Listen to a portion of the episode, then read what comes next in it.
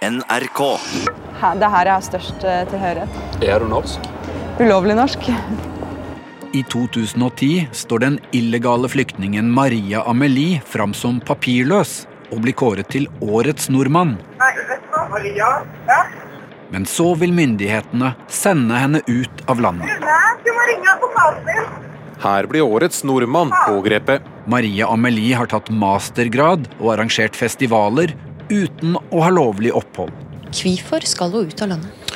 Fordi hun ikke har behov for beskyttelse, og i Norge så har vi likhet for loven. Marie Amelie-saken skaper enorm debatt og regjeringskrise.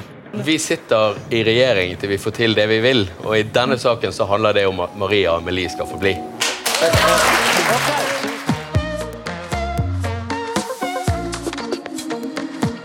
Du hører på hele historien.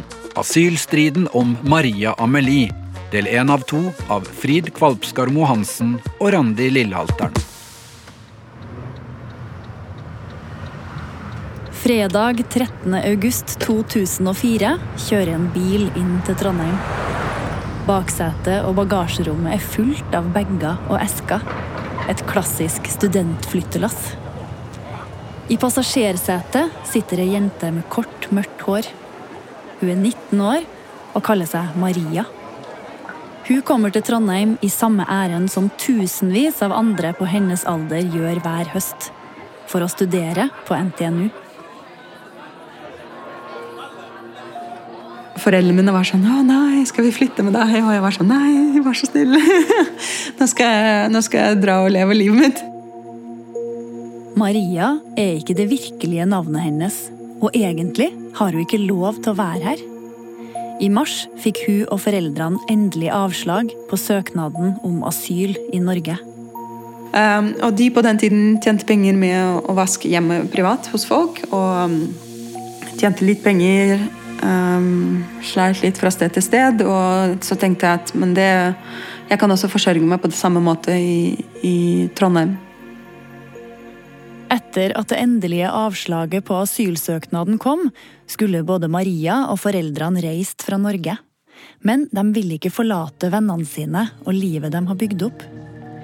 Når Maria reiser til Trondheim, blir foreldrene igjen i Vestfold.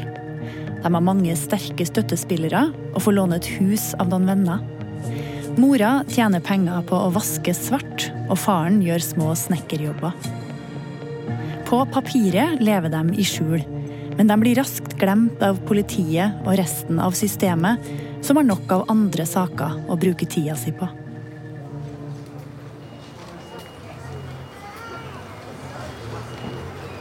I Trondheim lever Maria et tilsynelatende vanlig studentliv uten å gjemme seg. Men bare ved å være i Norge bryter hun loven hver dag. Hun tar fatt på en bachelor i sosialantropologi.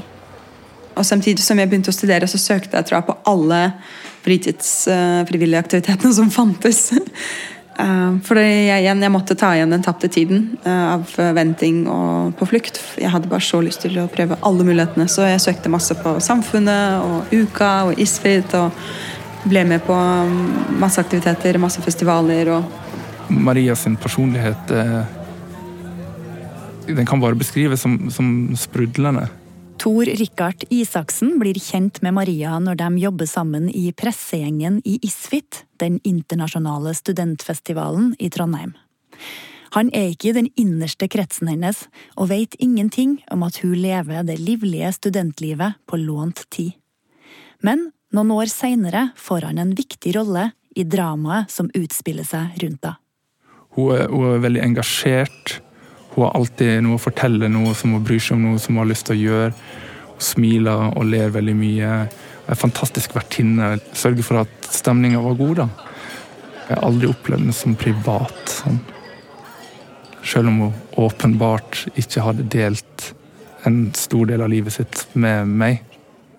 Hun hadde et litt østeuropeisk navn, eh, og snakka kanskje litt gebrokkent av og til, da, men det var, det var ikke noe jeg la merke til. Maria var 16 år da hun kom som flyktning til Norge sammen med foreldrene sine vinteren 2002. Fire år tidligere hadde de flykta fra hjemmet sitt i Nord-Osetia i Kaukasus. Mens familien bor på asylmottak på Nøtterøy, får Maria begynne på den lokale videregående skolen. Hun lærer seg norsk i rekordfart, får mange venner og et godt vitnemål. Og da med det vitnemålet så søkte jeg um, universitetet. Søkte samordna opptak. Og tenkte tja, jeg kommer helt sikkert til å ikke komme inn, men jeg taper ikke noe på å søke. Siden Maria har vitnemål fra norsk videregående skole, kan hun studere videre. Det er lov, sjøl om man ikke har oppholdstillatelse. Og i juli 2004 så fikk jeg beskjed om at jeg kom inn på universitetet. På NTNU. Førstevalget mitt. Så da hadde jeg plutselig lov til å studere. Til å være student eh, i Norge. Men uten identitetspapirer skulle Maria aldri fått ta eksamen. En liten glipp fra en sliten NTNU-ansatt åpner veien til mastergrad.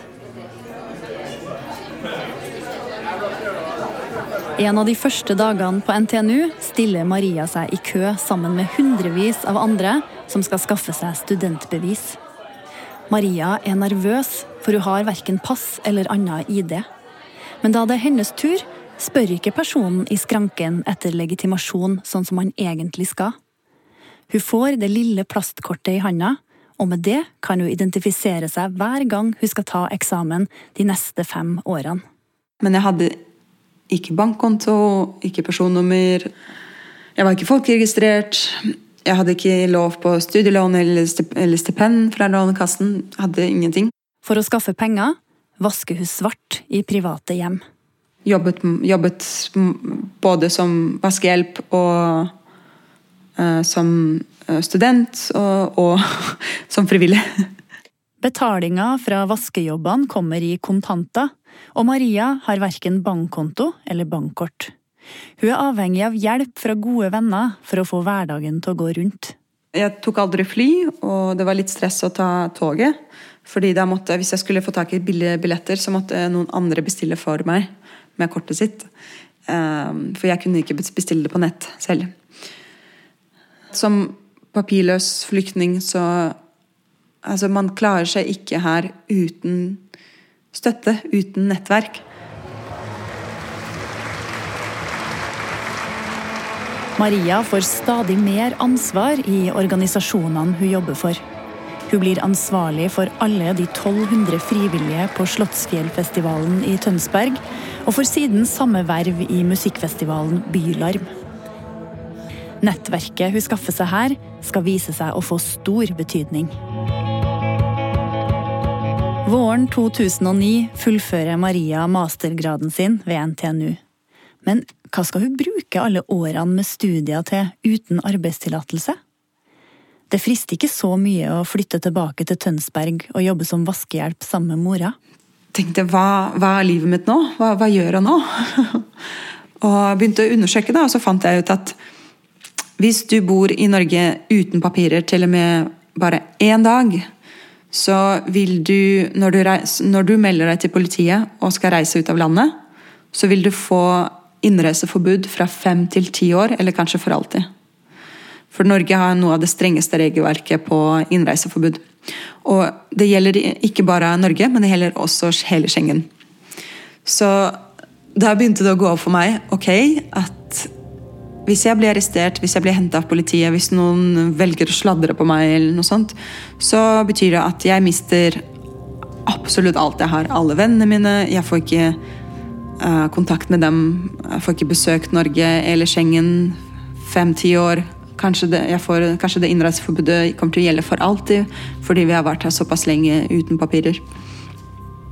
Og det var på den tiden jeg begynte å undersøke kan jeg skaffe meg falske papirer. Er det, er det på en måte en eneste logiske, praktiske utvei ut av den situasjonen?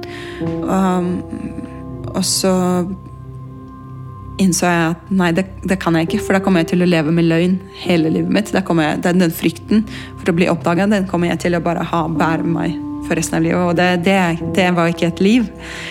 Så hvordan kunne jeg løse denne situasjonen? Det er mai 2009. I bakgården på en kafé i Trondheim sitter Maria sammen med den kjente sosialantropologen Thomas Hylland Eriksen. Hun har invitert han til å holde et foredrag i Studentersamfunnet. Etter det så satt vi på kafé, og så sa jeg, for han fulgte med på min historie over flere år. Og så sa jeg til han på spøk da, at kanskje jeg skal skrive en bok om dette. Og så sa han gjør det. Um, og jeg tenkte wow, hvis han tror at jeg kan klare det, da må jeg klare det.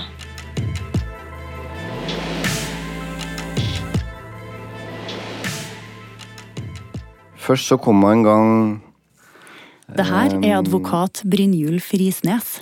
Om det kunne ha vært våren før, eller noe sånt, at hun var inn, kom, dukka plutselig opp på kontoret. Og fortalte da sånn i korte trekk sin historia si. Og så spurte jeg om, om, råd, da. Og da nevnte hun det at hun kanskje skulle gi ut en bok. Eh, at hun skrev på en bok, i hvert fall. Og poenget var jo da at hun lurte på hva som ville skje når hun tilkjennegjorde sin historie. Altså det at hun rett og slett hadde bodd i Norge uten oppholdstillatelse i en årrekke. Risnes er en av flere advokater Maria snakker med, før hun bestemmer seg. Denne boka er den eneste sjansen hun har til å få det livet hun ønsker seg. Hun får en avtale med Pax forlag. Så da tenkte jeg ok, med navn, med ansikt og fortelle hele min historie. Um, og de var sånn ja, men kanskje du skal være anonym? Så tenkte jeg nei, nei, fordi hvis man satser, så skal man satse all in. og foreldrene mine støttet meg veldig i det. Selv om det innebærer at jeg også avslørte dem. Og satte deres liv i usikkerhet. Så kom han tilbake igjen Eh, ganske kort tid før boka skulle komme ut. Det måtte ha vært i august eller noe sånt, tenker jeg, i 2010. Da sa hun at hun ville at jeg skulle være advokaten hennes. da. Og sånn som jeg husker det, så, så sa hun da den gangen første gang at hun hadde vært og snakka med flere advokater. Men at hun gjerne ville bruke meg fordi jeg hadde vært så negativ. Eh, og det er fordi de andre advokatene hadde sagt at dette kommer til å gå bra, og dette skal vi ordne. Eller hadde vært liksom litt positive da. Mens jeg hadde sagt at dette blir trøbbel. Maria vil ikke gifte seg for å få oppholdstillatelse i Norge, sånn som noen foreslår. Hun vil ikke kjøpe seg falskt pass og leve på en løgn resten av livet. Hun vil satse alt på dette ene kortet. Men da hun kom tilbake igjen den andre gangen, da sa hun at nå har jeg bestemt meg, jeg kommer til å gi ut denne boka. Jeg kommer til å gå ut med min historie, og så får vi ta det derfra. Så da husker jeg bare at jeg liksom bare sjekka det et par-tre ganger at hun virkelig hadde bestemt seg, for det var jo et stort skritt. Um, og selv om jeg som advokat ikke kan for så vidt råde henne til å gjøre noe ulovlig og fortsette, så kunne jeg heller ikke tvinge henne til å gjøre det motsatte. Sånn at det måtte jo bli hennes avgjørelse. Og da En dag så, så fikk jeg en e-post e eh, fra Maria der det sto at eh, Hei, Turka. Jeg driver og jobber med et bokprosjekt. Jeg lurte på om vi kunne ta en prat. Det her er studiekameraten Tor Rikard Isaksen. Og Da sikta jeg til, til pressearbeider, for det hadde hun nevnt så vidt i meg tidligere en gang. Så jeg tenkte ja, jeg får ta ringe Maria og høre hva det er for noe. For det var helt ærlig så tenkte jeg slik som Maria, jeg kjente Maria da, så tenkte jeg at nå er det noe skjønnlitteratur eller noe poesi eller et eller annet sånt. For det var den typen hun var, ikke sant? De avtaler å møtes dagen etter. Tor Rikard går inn på nettsida til Pax forlag.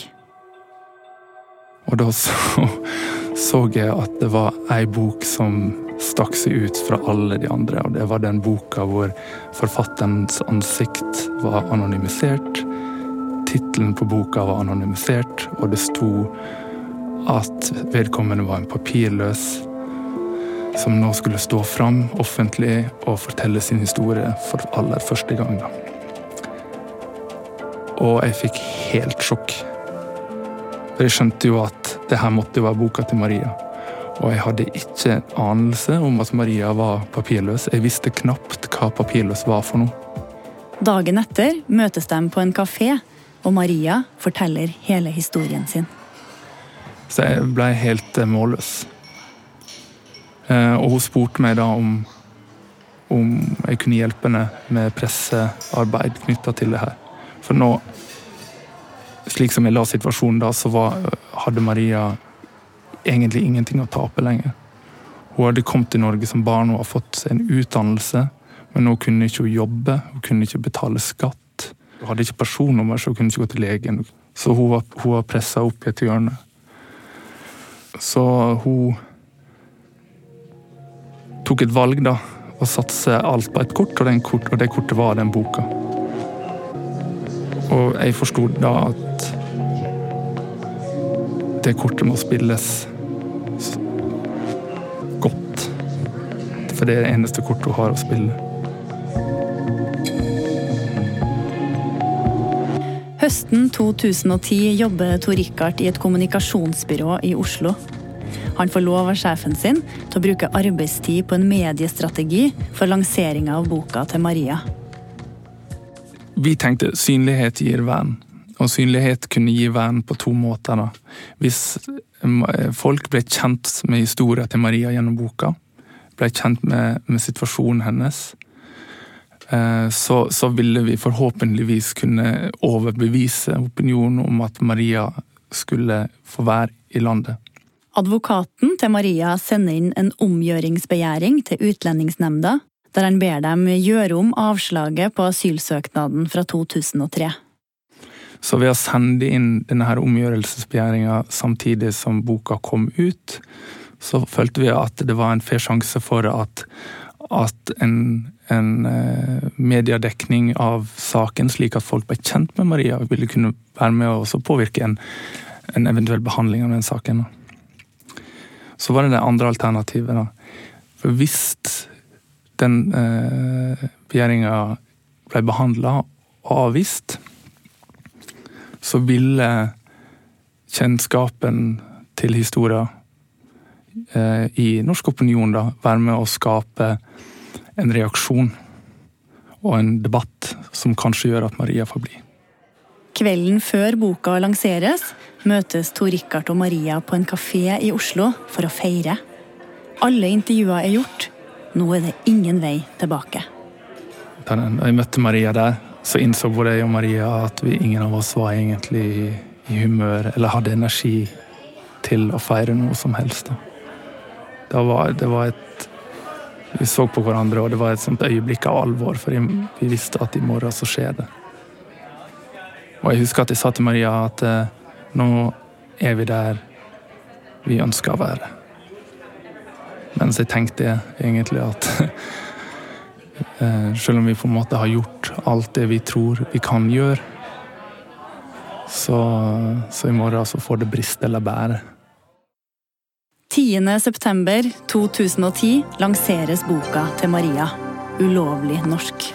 Så skal vi møte en person som egentlig ikke fins. Maria har fått avslag på sin søknad om oppholdstillatelse, men er, eh, har likevel tatt akademisk utdanning med Maria er gjest hos programleder Tom Christiansen i Dagsnytt 18. Eh, returneres eh, tilbake til Kaukasus. Var det sånn du oppfattet det? Vi kunne ikke dra. Jeg er fortsatt veldig redd for å reise tilbake, fordi jeg vet ikke hva det vil Hvordan Hva vil skje, Men du, da? Så, så skriver du denne boken. Hvorfor gjorde du det? Og hvordan ble det til? Jeg ville fortelle min historie. Eh, og jeg ville veldig gjerne takke de menneskene her i Norge som har vært der gjennom alle disse åtte årene og hjulpet meg og stilt opp for meg. I den blå sofaen utafor studio sitter en mann med rødlig hår og alvorlig ansikt. Han heter Pål Lønseth og er statssekretær i Justisdepartementet.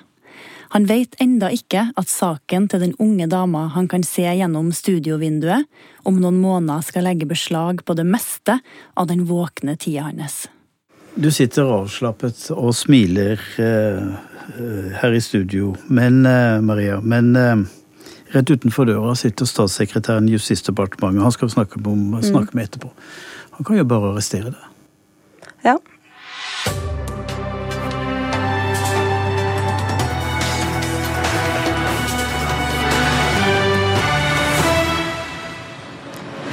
Hun er en av mange tusen som bor ulovlig i Norge. Den russiske kvinnen har tatt mastergrad trass i illegalt opphold. Det er her er størst eh, tilhørighet. Er du norsk? Ulovlig norsk. Og når Dagsrevyen starta eh, så hadde eh, Så var det første sak.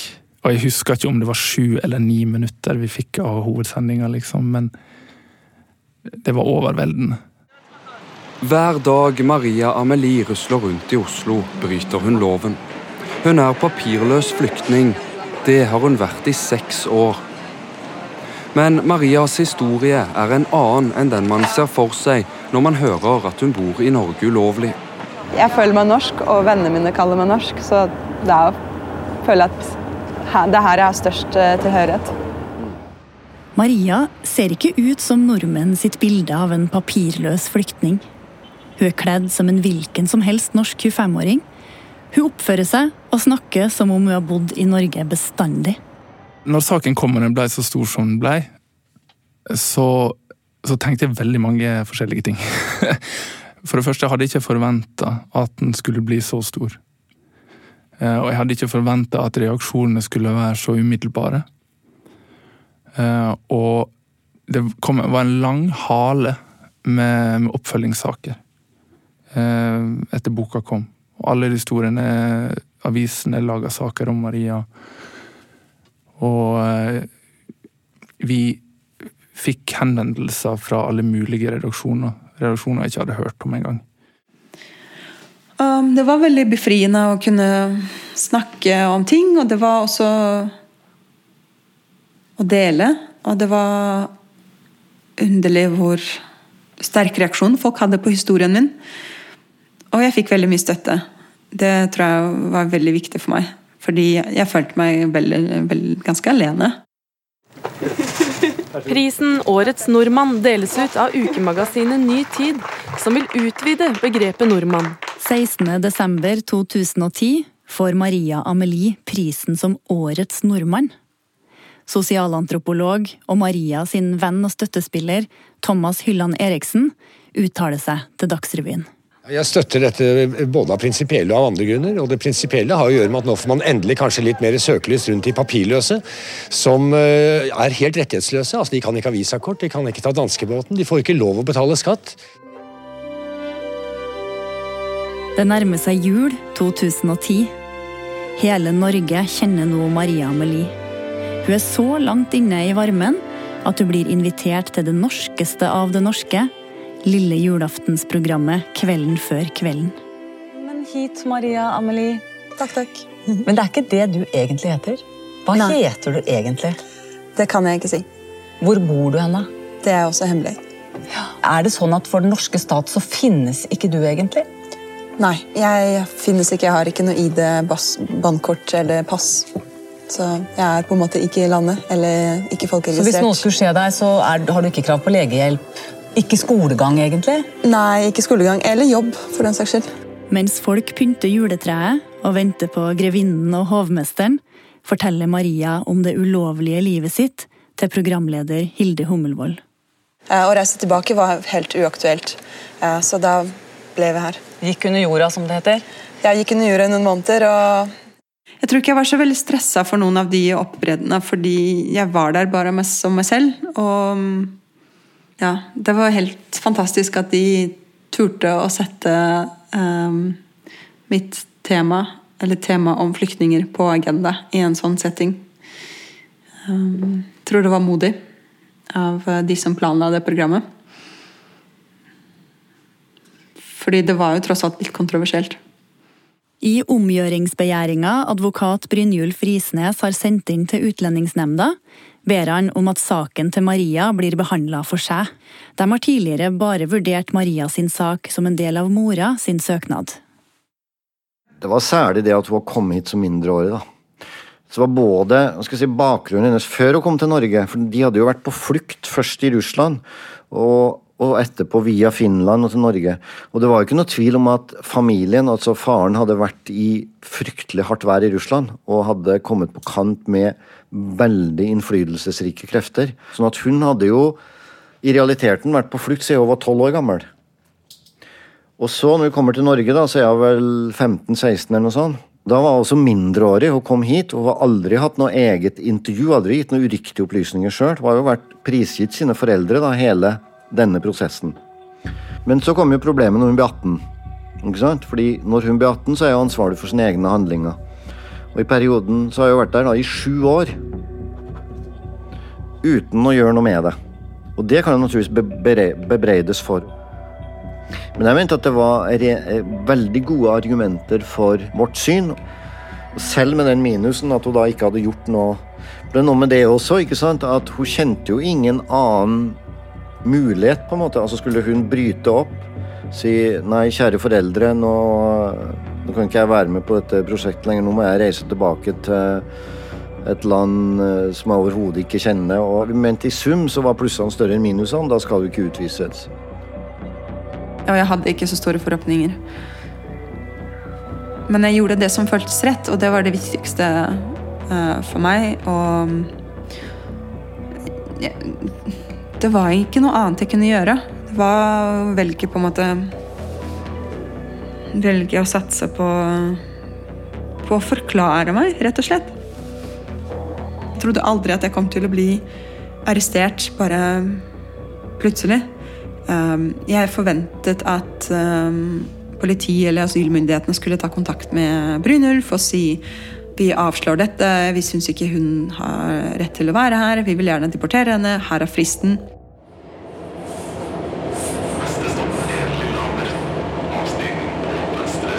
Maria sitter på toget fra Oslo til Lillehammer. Det er 12. januar 2011, og hun skal til Nansen-skolen for å holde et foredrag. Jeg husker veldig godt togturen til eh, jeg husker, Først og fremst husker jeg veldig godt når eh, Dag Hareide, rektor på Nansen-skolen, ringte meg.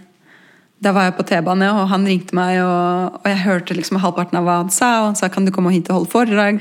Og så tenkte jeg Nansen-skolen, hva er det for noe? liksom er det og så skjønte jeg at å nei, det var ganske big, big deal. Det var ganske spennende å kunne dra dit.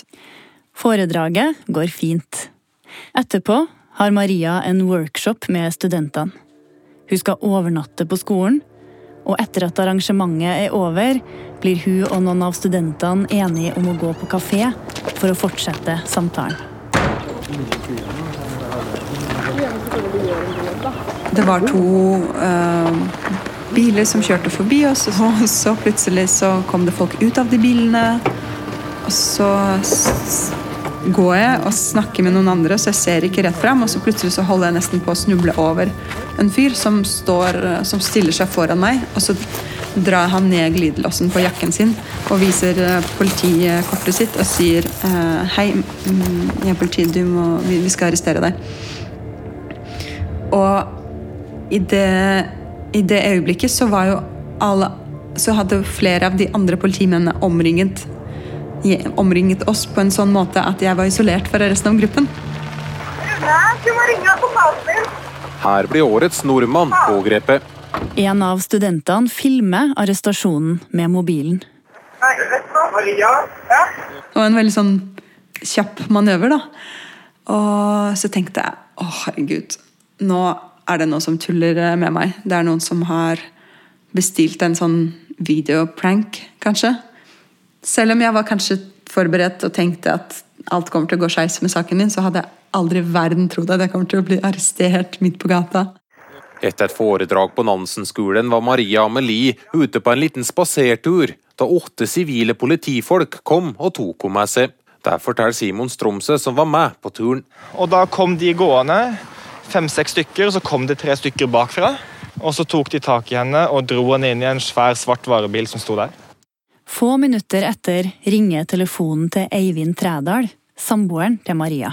Jeg, jeg gikk jo på Nansen-skolen eh, et par år tidligere. sånn at jeg hadde en fyr jeg kjente som jobba der også. og Jeg mener jeg husker at han var den første som ringte meg, for det hadde akkurat skjedd. De hadde holdt foredrag, og de skulle ut og ta en øl mange av elevene. Eh, og så hadde hun da blitt pågrepet av politifolk der. Eivind har bakgrunn fra Natur og Ungdom, og har jobba en del som journalist. Han går straks i gang med å spre informasjon om det som har skjedd. Så da gjorde jeg bare, skrev bare en slags pressemelding da, hvor jeg bare skrev liksom hun har blitt arrestert, jeg er hennes samboer. Uh, dette er et eller annet sånt, Jeg husker ikke helt hva jeg skrev, men, men ja, så bare sendte jeg den ut til alle uh, de store avisene. da. Mens kjæresten og ei gruppe venner håndterer henvendelser fra media, kjører politibilen med Maria mot politiets utlendingsinternat på Trandum ved Gardermoen. Og så satt jeg der i bilen og som kjørte, og med to politimenn. Um, og så sa de at vi kjører deg til Trandum um, asylfengsel. De sa ikke asylfengsel. Jeg kaller det asylfengsel fordi det er et virkelig fengsel. Um, og etter det så sa de Vi har lest boken din. Den er veldig bra.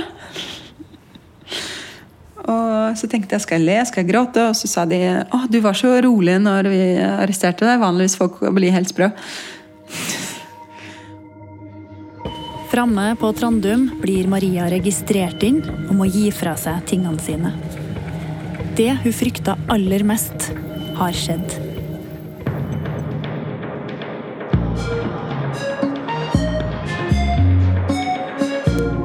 Du har hørt asylstriden om Maria Amelie, del én av to.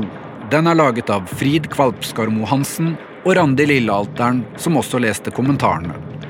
Produksjonen er levert av Munch Studios, lyddesign ved Ambolt Audio.